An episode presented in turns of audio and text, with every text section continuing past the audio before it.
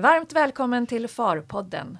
I detta avsnitt ska vi prata om förslaget till ny revisionsstandard för företag med mindre komplex verksamhet, LCE. Jag som leder samtalet heter Pernilla Halling och är kommunikationsstrateg på FAR. Och gäster idag är Björn Ile som är auktoriserad revisor på FAR. Välkommen Björn! Tack Pernilla! Och Therese Andersson som också är auktoriserad revisor på FAR och affärsområdeschef för Medlem. Välkommen Therese! Tack! Och jag har också med mig Helena Geli som är generalsekreterare för Nordiska revisorsförbundet, NRF. Välkommen du också Helena! Tack så mycket! Nuläget är ju att vi har ett förslag från den internationella standardsättaren IAASB till en ny revisionsstandard för företag med mindre komplex verksamhet. Förslaget är nu ute på remiss och sista svarsdag är den sista januari. Och det här är ju en fråga som FAR kommer att arbeta med intensivt nu under hösten. Och med den här podden hoppas vi att du ska få en överblick av förslaget och vi hoppas att du blir inspirerad att um, läsa mer om förslaget och också komma med input till FAR. Helene, skulle du kunna ge oss en eh, bakgrund till förslaget, varför det kom till och hur det har gått till och så? Absolut. Eh, det här har varit en väldigt lång resa kan man väl börja med att konstatera och eh, bakgrunden är väl egentligen att iserna eh, de nuvarande isarna under längre tid har kritiserats. Dels för att de blir längre och längre och mer och mer komplexa. Och dessutom eh, på så sätt även en utmaning att tillämpa iserna på mindre komplexa företag. Ehm, just den här frågan är ju något som har legat och ligger eh, NRF väldigt varmt om hjärtat. Eh, så för ganska många år sedan nu eh, så bestämde man sig från NRFs sida att man skulle ta fram en eget, ett eget förslag till en standard för SME-revisioner. Den här bemöttes med lite blandade synpunkter och från NRS sida så beslöt man sig då för att släppa eller att inte gå vidare med sitt eget förslag utan snarare att lobba för att eh, frågan skulle hanteras på global nivå av IASB. Och eh, det har man gjort under en längre tid även nu inom IASB. Eh, man har eh, diskuterat det här och man har fört en dialog både med branschen och med andra intressenter. En milstolpe här har ju då varit ett discussion paper som IASB publicerade eh, 2019 där man ville ha input då från branschen eh, om vad som egentligen var problemet med iserna och vad man skulle kunna göra just för att eh, eh se till att även revisioner av LCE skulle fungera på ett effektivt och bra sätt.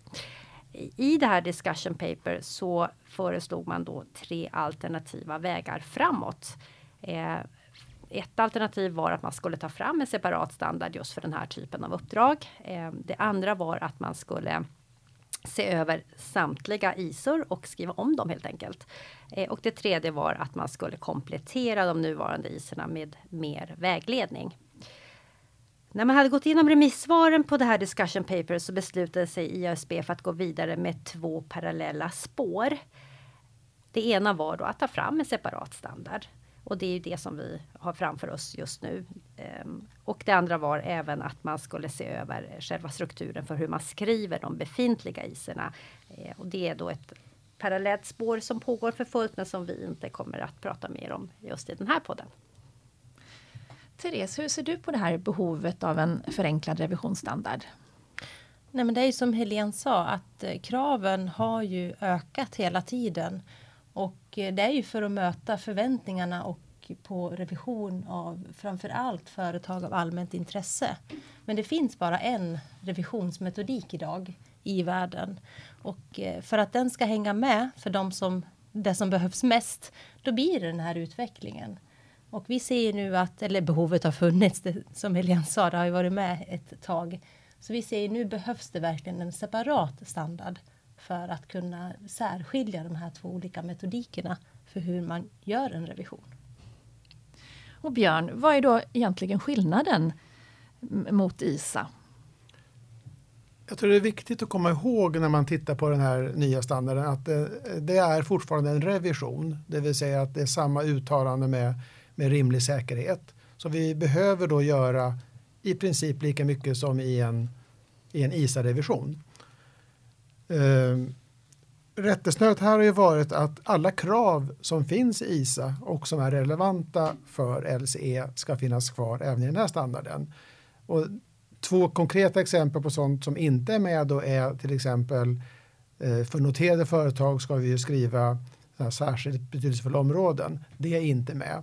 Och eh, som vi kommer tillbaka till lite senare här också så är koncernrevision inte heller med i den här standarden.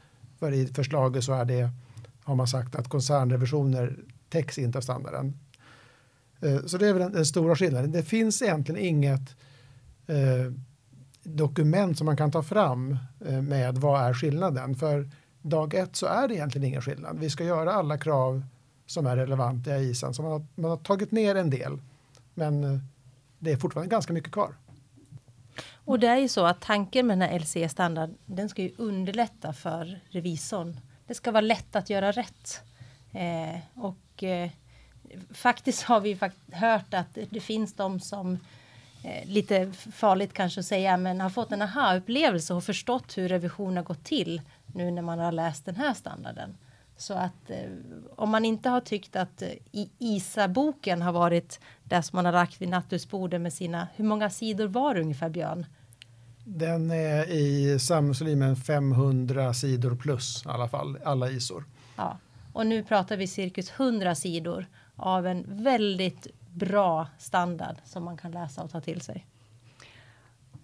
Och här kan jag också bara tillägga att eh, det kan ju kanske låta lite märkligt att eh, själva strukturen i den här eh, separata standarden eh, får sådana konsekvenser eller positiva konsekvenser. För den är ju skriven på ett annat sätt. Den följer ju själva revisionsprocessens alla faser i en kronologiskt eh, normal ordning.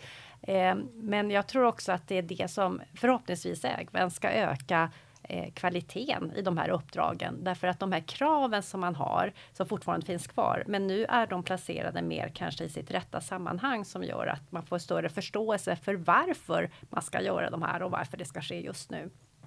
Mm. Ett exempel är ju riskanalysen som eh, ju finns i ja, ISA 315 där vi har den här allmänna förståelsen och riskanalysen. Men i LC-standarden så har man då lagt in i riskanalysdelen även det som har med oegentligheter att göra och det som har med uppskattningar och redovisning att göra. Så man, man lägger in de frågorna i sitt rätta ställe i flödet så att man inte behöver hoppa mellan olika standarder för att se och förstå vad man ska göra och när man ska göra det. Standarden är uppdelad i tio delar. Eh, den första som vi kommer, kommer tillbaka till sen är en ganska viktig del som handlar om authority heter den på engelska. Det finns inget bra ord på svenska men man kanske skulle kunna säga tillåtelse att använda eller vem får använda den här standarden. Sen kommer de här nio avsnitten som täcker då, precis som Helene sa, hela processen då från lite generella frågor till planering och genomförandet och sen då såklart då hur vi rapporterar på slutet. Ja, det är ju jättelätt, äh, jättebra att den är lättare att ta till sig och läsa. Men är det något mer som skiljer den från ISA? Therese? Eh, Nej, men vi är ju glada att se att det professionella omdömet har kommit in och eh, tydligt står också i standarden. Och det vet ju vi med oss när vi pratar med våra medlemmar att eh, man säger men det professionella omdömet, vad har det tagit vägen någonstans? Håller vi på och blir en checklistebransch? Eh, eh, och då säger vi nej, nu ska det professionella omdömet komma tillbaka. Så att eh, förutom att den är lättläst eh, och enkel att ta till sig och förstå eh, processen så tycker vi också att den ger ett större ökat utrymme för det professionella omdömet. Och där måste jag ändå säga kan ju vara det som är utmanande också. Och det är väl därför ISOna har utvecklats så som de har gjort. För då har man efterfrågat, ja men vad gäller i det här fallet och vad gäller i det här fallet? Och sen av, av välvilja så, så bygger man in det och till slut så har man 500 sidor. Så att eh, för oss är det viktigt att vi också håller oss till att vissa saker kommer inte stå i standarden. Mm. Och här tänker jag också bara tillägga att eh, som Björn sa att eh, i, slutresultatet idag kanske det inte är så stora skillnader egentligen mellan de krav som finns i LC-standarden jämfört med om man tillämpar de fulla iserna just i den här typen av uppdrag. Men jag tror ändå att det är ganska viktigt att ha i åtanke att Ja, så kanske det är just nu. Men tanken är ju att en sån här standard ska leva ganska länge. Och den här utvecklingen som vi pratade om tidigare, det vill säga att när iserna revideras, då tar man ju sikte på komplexa situationer eh, som oftast är relaterade till globala komplexa företagsstrukturer. Och sen är då tanken att det här ska man kunna skala ner på mindre komplicerade komplexa eh, revisionsuppdrag. Den utvecklingen, alltså skillnaderna mellan eh, de här globala företagsstrukturerna och LC, de kommer ju antagligen att fortsätta och kanske bara öka mer och mer. Så ur ett längre perspektiv tror jag att de här skillnaderna gör att det, det är ett ännu större behov av att ha ett, ett separat standard och just att de här typen av revisionsuppdrag inte bara följer med på ökade krav hela tiden som gäller för andra typer av situationer. Och då Helene undrar jag, vem är det som kommer kunna använda sig av den här LCE-standarden? Det är ju en väldigt central fråga som har diskuterats väldigt mycket och innan vi går in på rent konkret vad som sägs så tycker jag det är viktigt att understryka att även om den här standarden kommer att bli verklighet så kommer den ju att vara en frivillig standard. Eh, så att är det så att man ändå hellre vill tillämpa fulla iserna på den här typen av uppdrag så står det, är det ju fritt fram att göra det. Eh, och då skulle jag vilja komma in och säga att LCE är ju uppbyggt lite tvärtom mot för vad ISA är. Det vill säga den anger ju vilka företag som inte får använda eh, LCE-standarden. Eh, och det är ju i dagsläget noterade företag och företag av allmänt intresse. Eh, vilket är ganska naturligt. det säger sig av namnet. Eh, de tillämpar ju ofta IFRS och det är ett komplext ramverk. Koncernrevisioner får inte heller omfattas eh, av den här granskningen. Eh, där diskuteras det ju väldigt mycket och jag tror att vi kommer komma tillbaks till den frågan lite mer och det är en av specifika frågorna som vi kommer ställa till er på slutet och som IASB har ställt i sitt frågebatteri. Eh, och sen får den inte vara otillåten enligt lag eller annat regelverk. Och det kan ju betyda att eh, andra länder inför olika bestämmelser som gör att man inte får använda den. Och där kan man säga att i Sverige är det ju Revisorsinspektionen då som, som eh, sätter den, bestämmer den eh, goda seden i Sverige som vi har att följa. Så att, eh, och den, och kom ihåg, är viktigt här också att de kan inte ge några lättnader utan bara begränsa tillämpningen av den här. Eh, om man fortsätter i den här frågelistan då vilka som kan använda den här standarden så får ju även byråerna bestämma om de ska tillämpa den. Eh, och även här eller man kan begränsa att eh, med beloppsstorlekar eller någonting att säga att vi kan inte använda den här för bolag över 50 miljoner. Eller någonting sånt där. För att göra det lite lättare i de bedömningarna. Det kommer nog vara en viktig fråga, tror jag, framåt. Att ha beloppsgränser och det blir någorlunda lätt att, att göra det här. För den svåraste delen i, i standarden är den som är mer en kvalitativ bedömning är företaget komplext så att jag som revisor ändå inte vill använda den? Eh, och där ska man då titta på hur ser affärsmodellen ut? Hur är det organiserat? Är det många ägare så kan ju det ge en komplexitet. Är det någon typ av reglerad bransch? Eh, eh, tar man finansiella företag så ligger väl de egentligen i, i den här första påsen då med de som är noterade eller allmänt intresse. Och hur ser it-miljön ut och, och sådana saker. Det, är det ett komplext företag? Det är egentligen att förståelsen för företaget och är, är det sammantaget komplext? Och här kommer det vara mycket bedömningar, precis som Therese sa tidigare, där vi som revisorer får göra den här bedömningen. FAR har ju precis börjat med att försöka få in eh, eh, medlemmarnas synpunkter på det här förslaget. Och eh, det är ett arbete som kommer fortsätta nu under hösten. Ehm, men vad tycker ni är särskilt viktigt att man som medlem tänker på när man ska ge input till FAR? IASB har ju tagit fram ett, ett frågebatteri med 50 frågor. Det är inte de vi vill att ni ska svara på, utan det är att på något sätt ställa ett antal frågor som, som vi sen då kommer väva in i det svar som, som FAR ger. För vi kommer ju svara på i princip alla frågorna på något sätt. Och då, och då är det just de här frågorna som vi lite grann har varit inne på.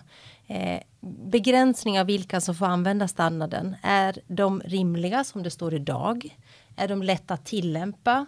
Man skulle kunna uppmuntra er medlemmar att faktiskt fundera över er kundstock idag och säga okej, okay, eh, kan ni göra den här avvägningen redan idag? Ska, kan jag tillämpa LC-standarden eller inte? För det ger oss värdefull input i hur det faktiskt kommer kunna användas. För vi sitter ju faktiskt här idag utan någon egen kundstock, även fast vi har haft sådana, både jag och Björn som auktoriserade. Så den inputen är väldigt viktig för oss att få från er. Eh, sen koncernrevision. Eh, och det vet jag inte Helene, det diskuteras ju ganska mycket i de nordiska länderna också. Och där är min uppfattning att synen att koncernrevision eh, bör vi, vi vill ha in koncernrevision helt enkelt. Det ska vi inte säga någonting om. Utan... Nej, där råder det ju samsyn att om man skulle undanta koncernrevisioner helt generellt, då skulle den här standarden i praktiken få väldigt begränsad betydelse. Mm. Eh, sen så vill vi ha in, eh, inspel också. Är, eh, behövs det mer förklaringar, förtydligande? Eh, kan man förstå eh, den här standarden som den är skriven idag? Eh, och sen så också en viktig fråga. Räcker det här som är idag till att ge ett uttalande med rimlig säkerhet? För Björn inledde och sa att det här är faktiskt en revision. Revisionen ska leda till samma revisionsberättelse som den ISA som finns idag. Nu har ni ju gett en bild av bakgrund och lite om vad det här förslaget innebär och, eh, och vad som skiljer den från ISA till exempel. Men om, om jag vill veta mer um, kan jag gå in och läsa på IASBs hemsida och vad, finns, vad bör man särskilt läsa tycker ni? Ja, men vi försöker ju verkligen att vara så duktiga som vi bara kan på kommunikation. Vi kan alltid bli bättre, men vi har en sida på far.se som är liksom en landningssida för det här och därifrån kan man ta sig vidare till IASBs sida där all dokumentation finns. Eh, standarden eh, finns ju också där. Eh, I remissen som har gått ut så, så börjar själva standarden på sidan 56 om man inte vill läsa eh, allt förarbete och hur man har lett fram till det. Eh, så där finns. Och då undrar jag, rent praktiskt, hur ska man göra för att lämna sina synpunkter? Vi har skapat en egen e-postlåda eh, som heter lce.far.se. Eh, vi kommer också ha ett webbinarium den 21 oktober där deltagare från arbetsgruppen, FARs arbetsgrupp för det här kommer att delta. Där man också kan eh, lite mer interak inter interaktion så man kan ställa frågor också och få svar. Eh, sen så kan man ju såklart prata med, med, med, mig eller Björn och det är Björn som har, eh, håller i pennan som vi säger här eh, på remissvaret. Ja, vi kommer ju då ta in de här eh, kommentarerna från er. Senast 28 november vill vi ha dem för att få in det i, i tidplan för den ska ju gå upp till styrelsen i FAR och så vidare. Vi ska ha ett samarbete med, med Helen på NRF och se om vi, vi kommer nog komma fram till ganska lika synpunkter, det är jag rätt säker på. Ehm, och sen kommer vi arbeta in det sagt i vårt svar. Och vi deltar ju också i en, i en nordisk arbetsgrupp så vi förde in de här kommentarerna så att ju snabbare ni förde in kommentarer till oss desto snabbare får de spridning helt enkelt mm. eh, i, hos oss i FAR och sen så till våra nordiska kollegor. Mm. Och bara för att lämna några eh, slutliga kommentarer från NRFs sida. Vi kommer naturligtvis att lämna ett remissvar också. Som jag sa tidigare så är det ju en hjärtefråga inom NRF just revisionen av SME-företag. Ehm, vi har ju otroligt mycket eh, småföretag i hela världen egentligen. 90% eh, är ju faktiskt SME eller LC-företag och så ser det ut även i Sverige och vi har ju dessutom låga gränsvärden här. Så det är jätteviktigt tycker vi att revisionen kan utföras effektivt och ha en relevans. Vi tror ju ändå att revision tillför någonting i de här företagen och därför så tycker vi också att det är viktigt att i de här eller vårt remissvar att eh, också försöka vara så konstruktiv som möjligt för att den här standarden ska kunna bli så bra som möjligt. Mm. Tack så mycket för de orden Helene. Och det får avsluta den här podden. Och tack så mycket även till Therese och Björn. för en väldigt bra genomgång. Och vi får säkert anledning att återkomma till detta ämne relativt snart, om inte annat så på webbinariet den 21 oktober. Och glöm inte att synpunkter ska lämnas senast den 28 oktober. Den här podden spelas in den 5 oktober, så lyssnar ni efter det så är innehållet förstås relevant, även om ni har missat just de här datumen. Stort tack alla ni som har lyssnat.